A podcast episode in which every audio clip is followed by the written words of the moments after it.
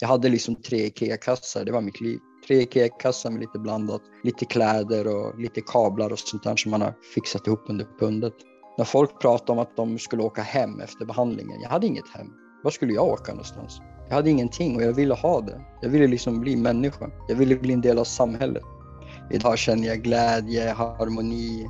Det är helt fantastiskt att leva idag. Välkommen till Idéburen välfärd.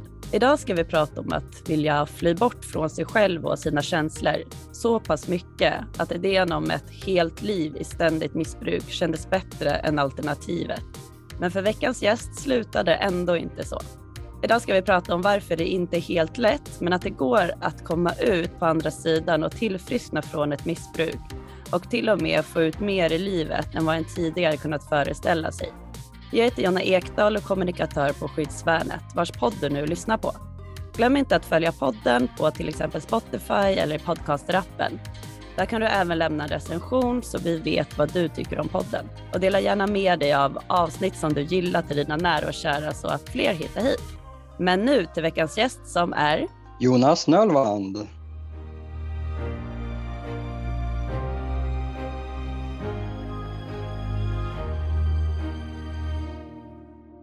Välkommen hit! Tack så mycket. Eller jag är så van att säga välkommen hit, men vi sitter faktiskt inte på samma ställe. Nej, vi gör ju inte det. Var sitter du någonstans? Jag sitter i Katrineholm. Mm. Har ni vår där också?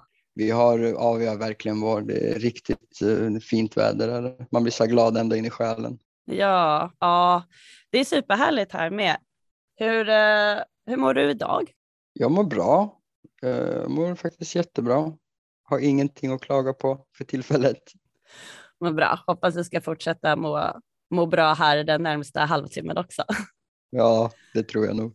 Idag, eh, vi ska ju prata om hur du har levt eh, ganska länge i ett missbruk, men du faktiskt har tillfrisknat från det också. Mm. Varför ville du komma hit till podden och berätta om det här?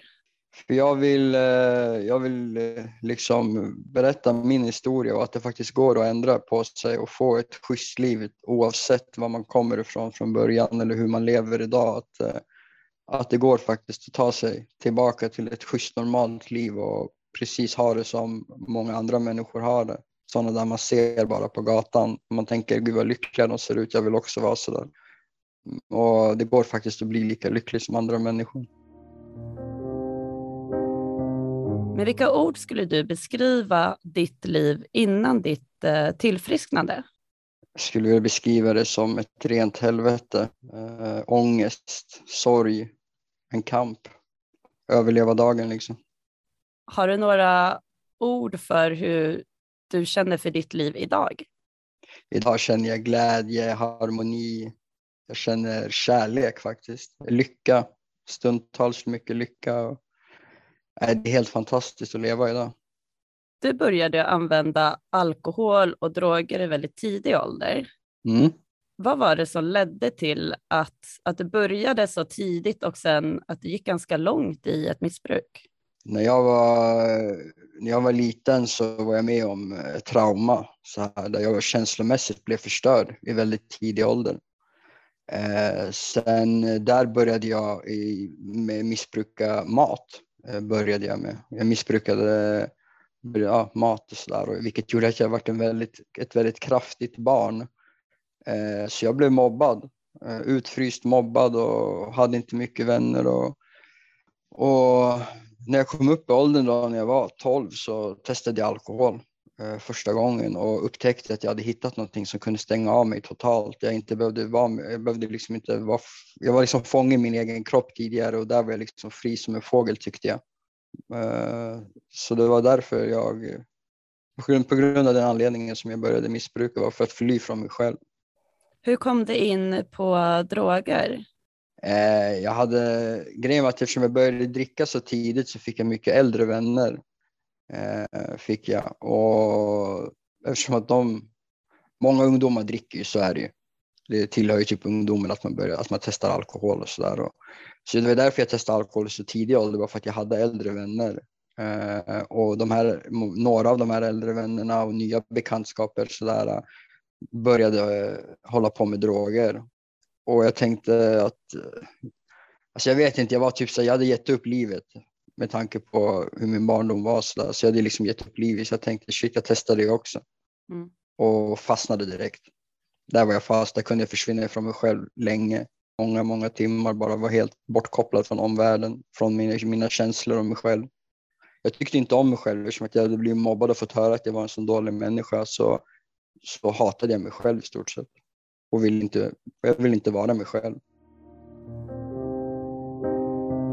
Eh, kände du, liksom, märkte du av när du gick över ifrån att använda alkohol eller droger eh, på en, vad ska vi säga, på ett normalt sätt eller där det inte är i ett tyngre missbruk? Kände du av när du gick över till, liksom, kom över den tröskeln?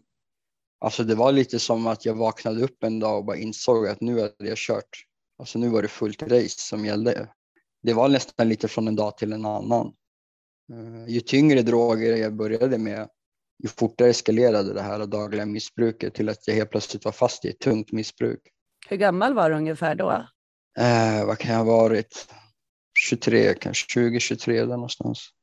Där jag liksom, grejen var att man flyttar ju gränser hela tiden. Eh, från början var det så här, jag ska bara, ska bara röka när jag, är, eh, när jag inte är hemma. Jag, rök, typ, jag ska aldrig ta några droger hemma sådär. Och, jag ska inte ta på vardagar, jag ska bara ta lite på helgen och sen är det söndag så ska jag ta det lugnt och sen på måndagen så ska jag tillbaka till verkliga livet. Så de där gränserna flyttas hela tiden. Ju längre in i missbruket jag kommer så börjar jag rucka på de här, vad ska man säga, de här principerna jag hade. Till slut så, så spelar det ingen roll vart jag var någonstans, jag var alltid påtänd. Och man, var ju, blev ju, man blev ju, tyckte jag, duktig på att dölja det sådär. Man kunde ju vara påtänd ute i allmänheten utan att det direkt syntes till en början sen i slutet, då var, det ju, då, då var jag en parkbänkspundare. Liksom. Jag tänkte precis fråga hur det påverkade ditt liv med, för det var ju en tid när du gick i grundskolan, gymnasiet och var en tid, en ålder där du hade kunnat arbeta.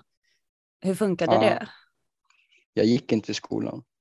Eh, jag var i skolan, men jag gick inte i skolan jag började skolka redan när jag gick i, sex, i sjätte klass i grundskolan och jag gick i specialklasser och sådär och hade hjälplärare men eh, med nöd och näppe så lyckades jag kämpa mig till några poäng i slutet på grundskolan så jag kunde börja gymnasiet men jag gick inte där heller. Det slutade med att jag blev utkastad sådär och jag drev mest bara runt. Alltså. Jag drev runt med människor som var likasinnade som mig. Så där, som inte heller gick i skolan och tyckte om att dricka och ta droger och sådär. Så jag hade ju, jag, jag har aldrig liksom riktigt gått i skolan som man bör göra, som man ska göra. Det var ju en skolplikt, tänker jag. Men det gällde inte mig tyckte jag. Nej. När du hade det som jobbigast i eh, och kommit in i, i missbruket, du sa att du ja, till slut hamnade och satt på en parkbänk. Hur kunde en dag se ut i det livet? Oj, så här. Äh, Alltså det, det började ju såklart med att jaga droger direkt. Jag sov ju inte ofta. Eh, min huvuddrog under, under många, många år var amfetamin, så jag sov liksom inte i veckor. Jag, jag kunde vara vaken i veckovis, alltså inte veckor, men veckostöt, liksom en vecka i taget. Så jag sov några timmar, sen köra på igen. Så en vanlig dag, det börjar med liksom när klockan är runt 8-9 på morgonen börjar man jaga sin kran och behöver nya grejer så här. Och har man varit ute på natten och stulit och haft så här för att få ihop pengar till det eller eller lånat. Så här, ringer mamma fyra på morgonen mitt i natten och kräver henne på pengar för att jag måste ha det. Så jag betedde mig riktigt illa, gjorde jag mot mina nära och kära. Så där. Och, och sen när man får tag på grejer så var det bara att få i sig det och sen så det är svårt att säga för man tappar liksom, jag tappar liksom tid och rum, dagarna bara går.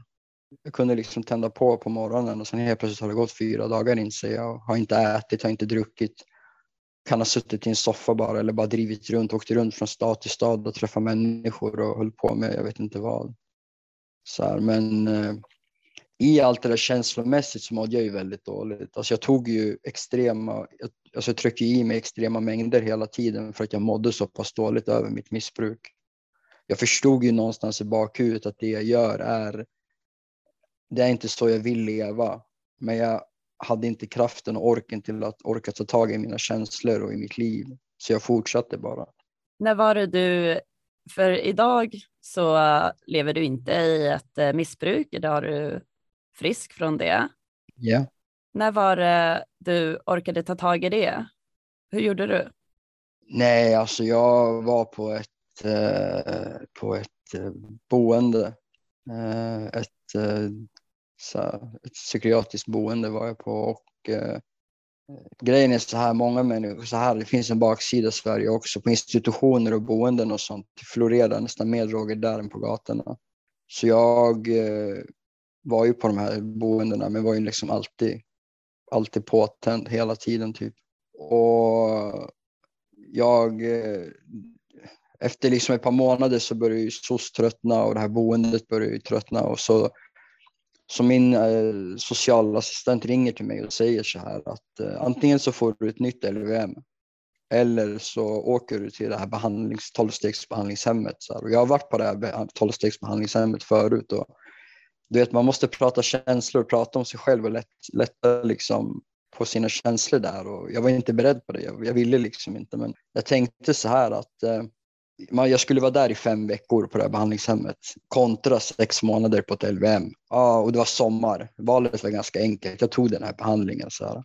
Men när jag väl kommer dit så, så ser jag människor som ser lyckliga ut. Precis det jag pratade om förut, att se människor som ser lyckliga ut. Jag vill också vara lycklig. Där någonstans landade det mig, för det var de sa till mig, så här, gör bara det vi föreslår så kommer du att klara dig. Och jag tänkte jag ska ändå vara här i fem veckor. Jag kan lika bra göra det de säger de här fem veckorna. Så eh, jag var kvar på det här behandlingshemmet i sex och en halv månad istället för fem veckor. Eh, kom vidare till så halvvägshus och sådär. Och, och jag gjorde det som föreslogs och jag började faktiskt prata om vad som kändes för mig. Jag började prata om de här traumorna från min barndom. Jag började prata om hur jag har betett mig, hur ledsen jag är för människor som jag har skadat eh, och hur ledsen jag är för alla vänner som jag har liksom försummat. Och, och jag märkte att shit, jag plötsligt efter ett tag började jag liksom känna mig lättare i kroppen. Jag började må bättre. Så och, ja, det var där jag bestämde mig för att nu är det slut. Jag var så trött på, på att sitta inlåst eller på att inte ha någonting. Jag hade liksom tre IKEA-kassar, det var mitt liv. Tre IKEA-kassar med lite blandat. Lite kläder och lite kablar och sånt där som man har fixat ihop under pundet.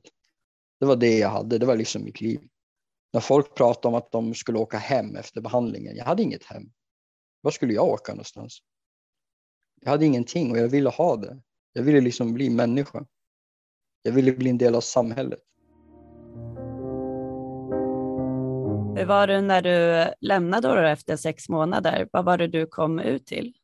Eh, då var det så här att jag hade ju, socialen hade ju erbjudit mig allt som fanns tidigare år så här, och jag hade ju, eh, nu ska man inte svära, men jag hade ju eh, fuckat, upp fuckat upp det, alltså förstört det. Eh, så de, det sista alternativet jag fick det var, så här, det var familjehem. Och då tänkte jag så här, familjehem, det är ju barn som åker på familjehem, så här, ungdomar kanske. Jag var ändå 31 då tror jag. Så Men så tyckte så att Jonas han behöver trygghet och kärlek nu, så, här, så han ska få komma till ett familjehem. Så jag åkte till det där familjehemmet. Det låg eh, strax utanför här Katrineholm där jag bor och bodde där i typ en månad och så där. Men eh, så jag hade ju ett hem då. Eh, men jag trivdes inte så här på grund av att, eh, att det låg så långt ut i skogen och det gick typ en buss om dagen. Alltså det låg så jätteöde typ. Så till slut var det en kompis till mig som jag eh, hade gjort behandling med som hade en lägenhet stående här i stan som han inte bodde i. Så han sa det att du kan få fråga SOS här om du kan få om de kan betala en del av hyran så kan du få bli inneboende i min lägenhet. Så, så jag flyttade dit och ja, så jag hade liksom ett hem. Han sa det till mig också när jag flyttade dit. Det här är ditt hem nu. Här bor du. Du bestämmer det här. Hur kändes det? Ja, herregud, det var helt... Ja, det var... Jag kan, det är svårt att förklara, det var mäktigt. Det var helt mäktigt bara. Att bara gå upp på morgonen och sätta sig och dricka en kopp kaffe i vardagsrummet och det var, det var, det var på våren, så alltså, det, som det är idag. En sån här dag som det är nu, då brukar jag tänka på just det där att jag satt där och drack min morgonkaffe och bara, jag, äntligen är jag herre i mitt eget liv. Nu är det jag som bestämmer. Ingen talar om för mig när jag ska få duscha, äta, gå på toa. Ingen talar om för mig när jag ska få gå ut eller någonting, utan jag bestämmer själv. Ingen drog har gett mig den där känslan. Alltså. Det var en mäktig känsla. Jag, jag får nästan rys i lite nu när jag berättar om det. Mm, jag med. Varför tror du att det tog, för du började sagt var när du var barn mm. och det var runt när du var 30-31 någon gång som du kom till att men nu ta tag i behandlingen och öppna upp för den? Mm. Alltså, det är svårt att säga sådär varför, men jag hade inte villigheten helt enkelt. Alltså ska man kliva av ett missbruk eller vad man än ska, ska ta sig ifrån eh, så behövs det villighet för det första. Jag behöver ha en vilja att göra det. Jag var inte redo att ta tag i mina känslor, ta tag i mitt liv. Eh, jag, hade för, jag har förstört så pass mycket under hela mitt missbruk att jag var liksom inte beredd på att ta konsekvenserna eh, då.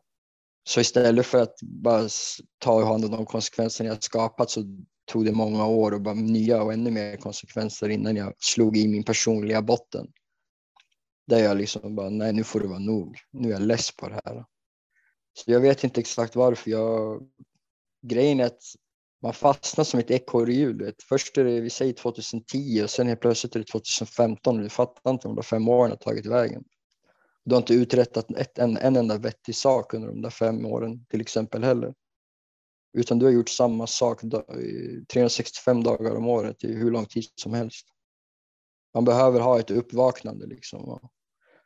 Människor har ju sagt till mig jättemånga år så här, Jonas du har problem, du behöver söka hjälp och sådär. Men jag såg inte att jag hade ett problem tyckte jag. Jag tyckte de var ett problem för att de sa åt mig att jag har ett problem.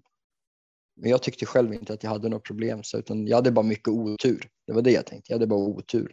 Det var inte alls mitt eget fel någonting, utan det var alla andras fel. Så det kom sen till en tidpunkt där du själv såg det och kände det och det var då det gick att ändra på någonting också? Ja, speciellt när jag kom till den sista behandlingen och jag liksom började lyssna på vad de sa och de började stapla upp olika så här, eh, det finns en kurva som heter Jelinek ner och det är alltså en, en, list, en, som en kurva neråt och så finns det olika punkter så här, för hela den där vägen ner. Typ så här går det till när man hamnar i ett missbruk. Från liksom att man är människa till att man är inte är värd vatten. Och när jag kunde pricka in mig själv på varje sån här liten, äh, liten kolumn på hela vägen ner tills jag verkligen kunde pricka in mig längst ner på kurvan. Det var då jag insåg shit, jag har verkligen problem. Vad har jag gjort med mitt liv? Och att vara 30 år gammal, jag vill inte, jag vet inte. Det var bara skit av alltihopa. Men eh, ja, den vände du ju på då. Ja, jag gjorde ju det som tur var. Hur, hur kom du tillbaka? Hur, eh, hur har din liksom relation till dina vänner och din familj mm. Eh, att komma tillbaka in i det? Hur har det funkat? Uh, idag har jag en jättefin relation med hela min familj jag har, eh, grejen så här var att jag var tvungen att välja så här, uh, antingen så säger jag upp, liksom tar jag bort hela mitt gamla liv. Eller så har jag kvar det med risk att jag inte kommer klara mig. Så jag eh, sa inte upp kontakten, jag bara, kontakten upphörde bara med alla människor runt omkring mig som jag hade haft att göra med. Eh, mina barnårsvänner var ju redan borta självmant, de hade ju tagit avstånd från mig. Eh, men sådana här så kallade vänner från missbruket. Inga riktiga vänner, men ja, det tyckte man ju då. Jag sa upp kontakten med alla, gjorde jag. Och idag har jag fin kontakt med mina barn, några av mina barndomsvänner. Så här. Vi, ja, men de frågar hur jag mår och så jag kollar hur de mår och de, de peppar mig, liksom, hejar på mig så där, och tycker att jag gör ett schysst jobb och så där.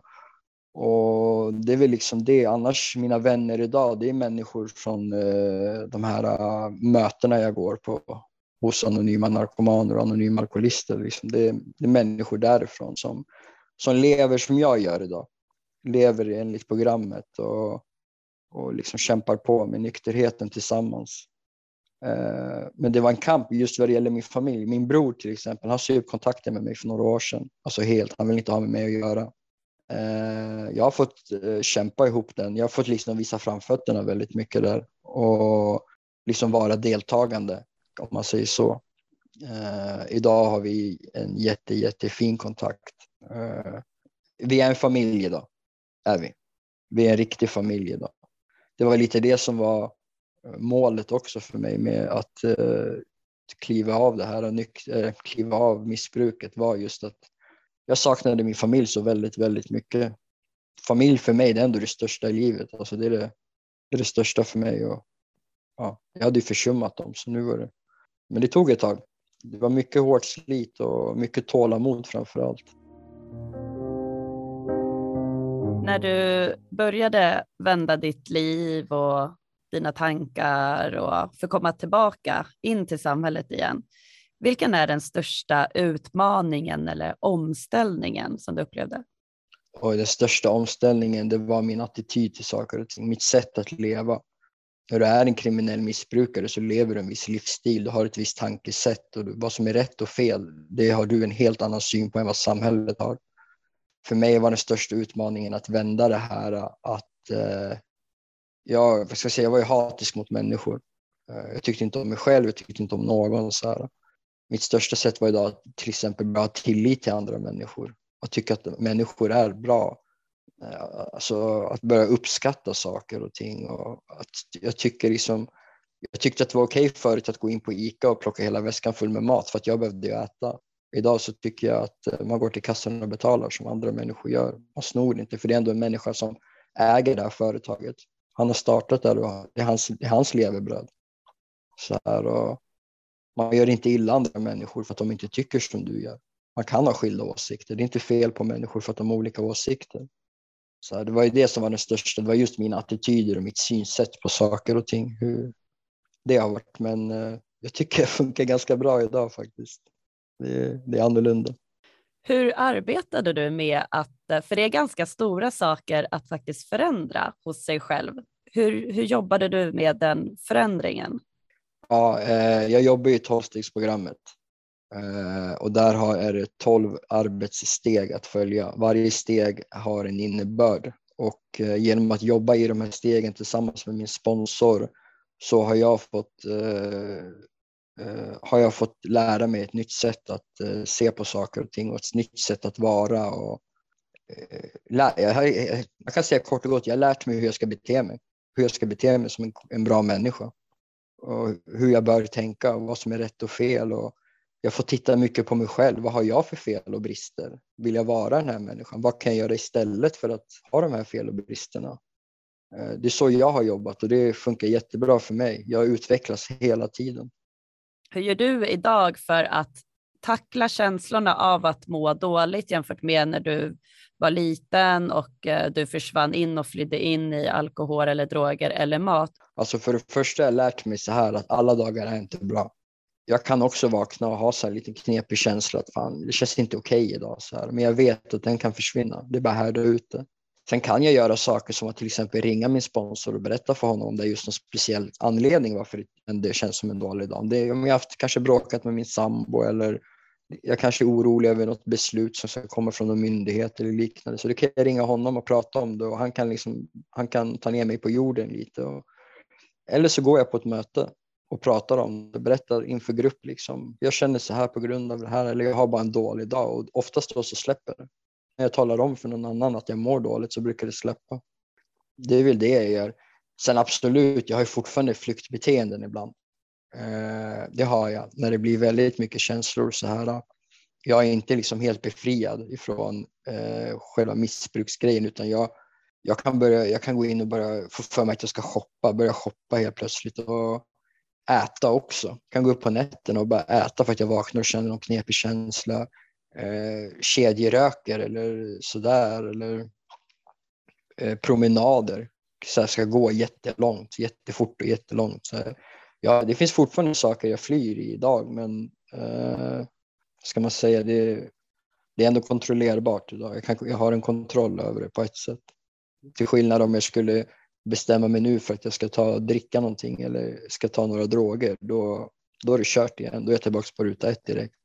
Men hur hittar du den där kontrollen för den här balansen för att det inte blir, hur, hur behåller man den?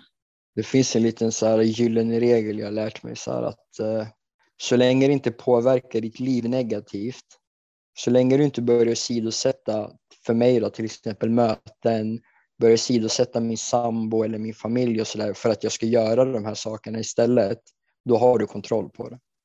Det om jag till exempel om min mamma skulle ringa mig och fråga om jag vill komma och äta middag och jag skulle ljuga och säga att jag inte kan för jag ska ta en promenad för att jag ska sitta och shoppa. Då har jag helt plötsligt ett problem när jag börjar ljuga om det. Så länge jag kan vara öppen och ärlig och säga liksom att ja, idag köpte jag kläder för si så här mycket fast jag egentligen inte sa råd men jag bara gjorde det. det är absolut lite kontrollförlust, det påverkar sig ekonomiskt sådär men tur så har vi returrätt så det är bara att skicka tillbaka det. Men, men, men alltså, så länge jag inte gör en hemlighet av det så, så är det ändå ganska kontrollerbart. Hur ser ditt liv ut idag? Vad är det du har idag som du inte hade innan?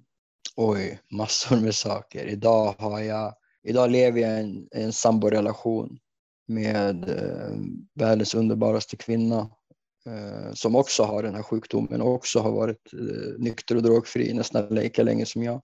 Vi kämpar tillsammans. Eh, jag har, så att säga, jag har min familj. Eh, jag har jättefina vänner. Jag har studerat, för förra veckan blev jag klar undersköterska. Mm, grattis! Tack så mycket. Jag, eh, jag jobbar. Eh, och jag vissa, vissa stannar i huvudet. Det är så mycket saker jag har idag. Jag har ett liv helt enkelt. Jag känner mig likvärdig med andra människor i samhället. Jag betalar skatt och jag betalar mina kronofogdskulder. Även fast nästan hela lönen går åt till det så jag kan ändå göra det idag. Eh, det känns schysst att få, det känns schysst att förtjäna samhället igen och ge tillbaks eh, av det som samhället har gett mig under mitt missbruk. Ja, för jag skulle också fråga, är det någonting som, eh, som hade kunnat göra annorlunda i form av stöd från samhället för att du skulle kunna tillfrisknat tidigare? Hade du behövt något annat typ av stöd än det som du kanske fick?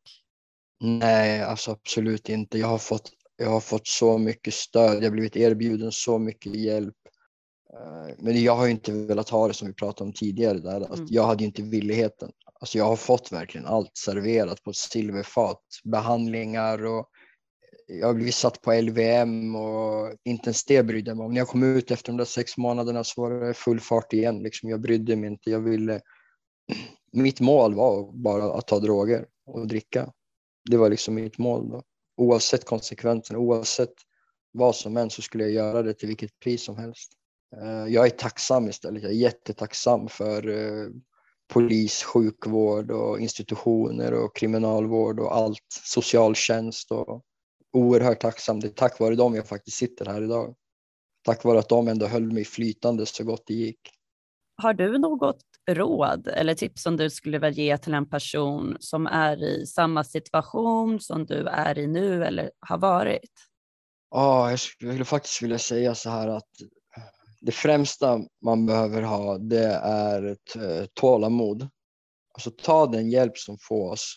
Jag kan bara rekommendera tolvstegsprogrammet för det är det jag har gjort och det är det som har funkat för mig så det är det jag kan rekommendera.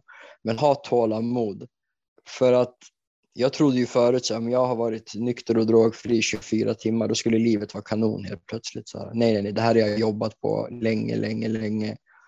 Eh, man måste ha riktigt mycket tålamod och ta den hjälp som erbjuds. Här. Som jag sa tidigare, lyssna på det de föreslår att du ska göra och testa och göra det. Känns det inte bra, blir det bara knas av det så då kanske inte just den grejen var din grej. Men alla har någonting som funkar för man måste bara hitta vad. Men som sagt, tålamod. Ha tålamod.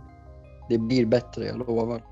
Nu har jag faktiskt bara en absolut sista fråga till dig. Okay. Och det är en fråga som jag ställer till alla gäster. Ja. Och det är om du kan berätta något som är oväntat eller roligt om dig själv. Oh, oväntat eller roligt. Ja, jag, kommer, jag, jag är en väldigt rolig människa. Jag har humor. Ja, jag, jag är väldigt lätt, lättsam och har humor. Ja. Och trots eh, mitt förflutna med rent bara mörker så är jag idag en väldigt rolig och lättsam människa att göra med. Ja men vad kul! Ja. Kul att du är kul, eller vad ska jag säga. Ja. Jag är en ganska festlig person. ja, det behöver vi fler av. Ja. Ja, men Jonas, tack så jättemycket för att eh, du ville prata med mig och berätta så mycket om ditt liv och varit så himla öppen och eh, ärlig och så himla roligt att höra hur bra det går för dig idag och hur bra du mår.